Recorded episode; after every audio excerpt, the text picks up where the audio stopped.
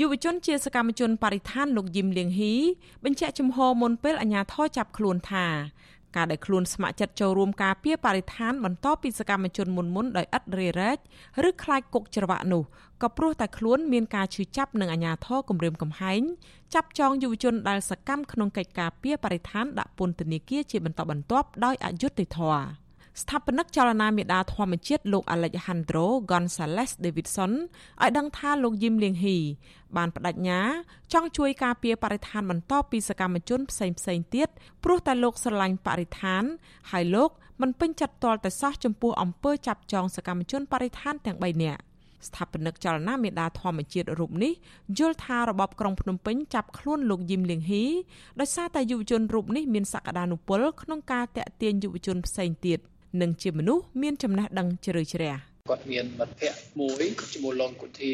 ជាយុវជនម្នាក់ដែលរបបហ៊ុនសែនចាប់តាំងពីខែកញ្ញាឆ្នាំ2020លោកគុធានេះចិត្តស្និទ្ធជាមួយលៀងហ៊ីហើយលៀងហ៊ីប្រាប់ខ្ញុំថាទៅពេលដែលគេចាប់ធាដាក់ពន្ធនាគារចាប់ថនរដ្ឋាគាត់ខ្មាស់យុវជនហ្នឹងហើយគាត់ចង់ទួអ្វីមួយដើម្បីជួយគេថាជំនួសយុវជនដើម្បីការពារបរិស្ថានរបស់របស់ខ្មែរចឹងទៅហើយគាត់ក៏ប្រាប់ខ្ញុំច្បាស់ថាគាត់អាចនៅជាមួយយើងយូរពេកបានទេដោយសារនៅជាមួយមានអាធម្មជាតិគឺលុយតិចតួចឬក៏សិនតែមិនបានលុយគ្រប់គ្រាន់ទេហើយគាត់មានប្រពន្ធគាត់មានកូនណាហ្នឹងហើយអញ្ចឹងគាត់ថានៅជាមួយយើងបានត្រឹមមួយឆ្នាំទេខែ10 2021គាត់ក្រងចូលអាក៏រៀនមនុស្សបណ្ឌិតផងហើយក៏ក្រងចូលធ្វើការជាគ្រូមានប្រាក់ខែត្រឹមត្រូវរបស់គាត់យុវជនយឹមលៀងហ៊ីឆ្នាំនេះអាយុ32ឆ្នាំហើយគាត់កំពុងសិក្សាថ្នាក់បរិញ្ញាបត្រជាន់ខ្ពស់ឬអនុបណ្ឌិតនៅវិទ្យាស្ថានភាសាបរទេស IFL តាមរយៈកម្មវិធីអាហារូបករណ៍ យុវជនរូបនេះធ្លាប់ធ្វើការងារស្ម័គ្រចិត្តនៅតាមអង្គការក្រៅរដ្ឋាភិបាលជាច្រើនមុនពេលលោកចូលរួមការពារបរិស្ថានលោកក៏ជាយុវជនឆ្នើមក្នុងការដឹកនាំនិងបណ្ដុះបណ្ដាលយុវជនផ្សេងទៀតដែរអ្នកធ្លាប់ធ្វើការជាមួយយុវជនរូបនេះតែងតែកោតសរសើរចំពោះលោកយឹមលៀងហ៊ីមន្ត្រីតស៊ូមតិនៃគម្រោងអ្នកការពារព្រៃឈើរបស់សមាគមបណ្ដាញយុវជនកម្ពុជាហៅកាត់ថា CYN លោកសាន់ម៉ាឡាបានស្គាល់លោកយឹមលៀងហ៊ីជិត10ឆ្នាំហើយ លោករំលឹកថាពេលនោះលៀងហ៊ីគឺជាអ្នកធ្វើការស្ម័គ្រចិត្តនៅអង្គការកម្មវិធីអភិវឌ្ឍធនធានយុវជនកម្ពុជាហៅកាត់ថា YRDP និងក្រោយមកលោកយឹមលៀងហ៊ីធ្វើការនៅបណ្ដាញយុវជនកម្ពុជា CYN ចន្លោះពេលធ្វើការនៅតាមអង្គការក្រៅរដ្ឋាភិបាល លោកយឹមលៀងហ៊ីសកម្មនឹងការងារលោកសាន់ម៉ាឡាបន្តថាយុវជនយឹមលៀងហ៊ីមានចំណេះដឹងជ្រៅជ្រះ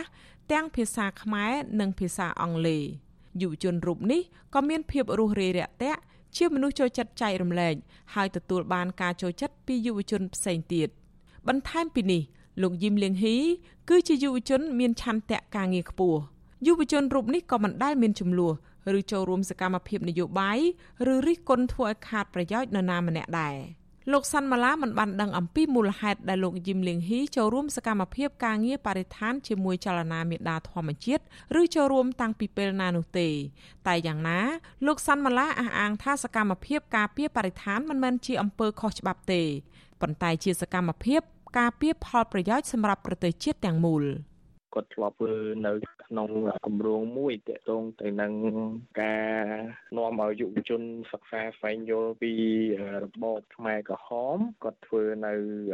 អង្គការ YRDP ហើយក្រោយមកទៀតគាត់ក៏ធ្លាប់បម្រើការងារនៅសំណាញ់យុវជនកម្ពុជា CVN ដែរបានទៅលើគម្រោងមួយឈ្មោះ Smart ដែលផ្ដល់ការបណ្ដុះបណ្ដាលផ្នែកវិធីនិងការប្រព័ន្ធបណ្ដាញសង្គមឲ្យសហគមន៍គោលដៅបាទហើយក្រោយមកក៏ឮថាគាត់ជប់ការងារទៅលក់ទូរស័ព្ទនៅខាងខេត្តកណ្ដាលអញ្ចឹងណាបាទហើយក៏អត់បានដឹងថាគាត់នៅ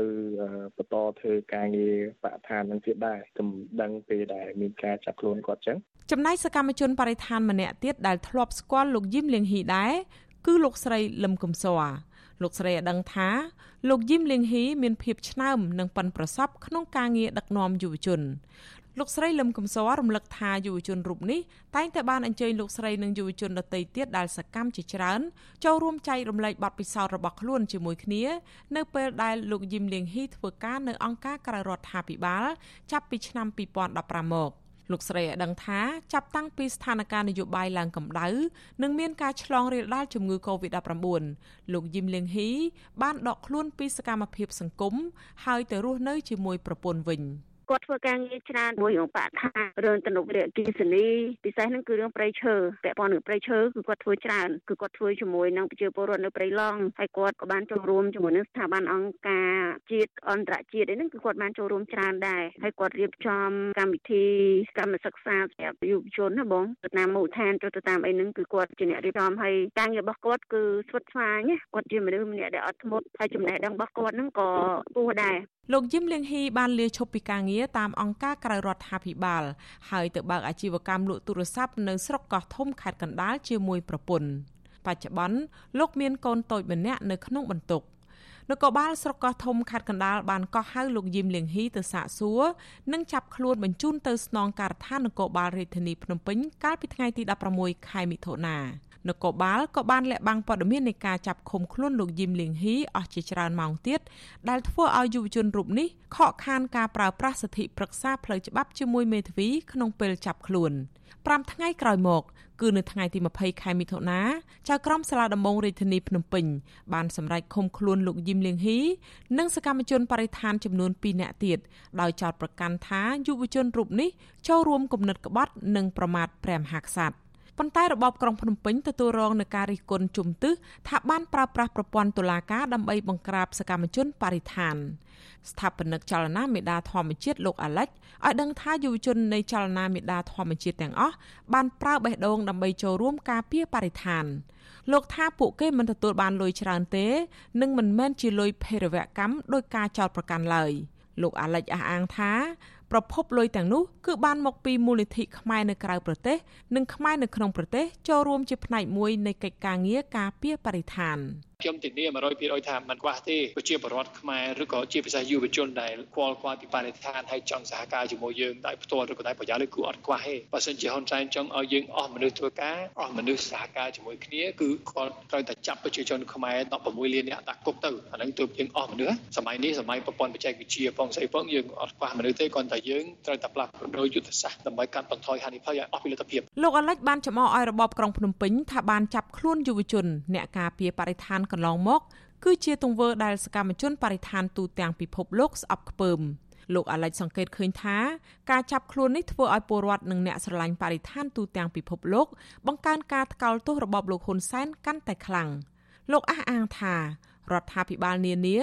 និងពលរដ្ឋនៅលើពិភពលោកទាំងអស់នឹងជំរុញឲ្យមានការដាក់សម្ពាធនានាទៅលើរបបលោកហ៊ុនសែនដោយសារតែការចាប់ខ្លួនអ្នកការពារបរិស្ថានជាបន្តបន្ទាប់នេះ។ ទោះជាយ៉ាងណាសង្គមស៊ីវិលមួយចំនួនស្នើសុំឲ្យអាជ្ញាធរដោះលែងក្រុមយុវជន ជាសកម្មជនបរិស្ថានជាច្រើនអ្នកដែលអាជ្ញាធរចាប់ខ្លួនមកវិញ ដោយឥតលក្ខខណ្ឌក្នុងនោះមានដូចជាលោកថនរដ្ឋាកញ្ញាឡុងគុន្ធា និងកញ្ញាភួនកៅរស្មីនឹងការចាប់ខ្លួនចុងក្រោយនេះមានយុវជន3នាក់ទៀតគឺកញ្ញាសុនរដ្ឋាយុវជនលីច័ន្ទដារាវុធនិងលោកយឹមលៀងហ៊ី អ្នកស្រឡាញ់បរិស្ថាននៅលើពិភពលោកក៏ទាមទារឲ្យរដ្ឋាភិបាលបើកសេរីភាពឲ្យយុវជនទាំងនោះអាចបន្តការសិក្សារបស់ពួកគេ និងចូលរួមធ្វើសកម្មភាពការពារបរិស្ថាននិងធនធានធម្មជាតិឲ្យបានពេញលេញដោយគ្មានការរំខាននិងរារាំងចានាងខ្ញុំខែសុណងវັດឈូអាស៊ីសេរីរាយការណ៍ពីរដ្ឋធានី Washington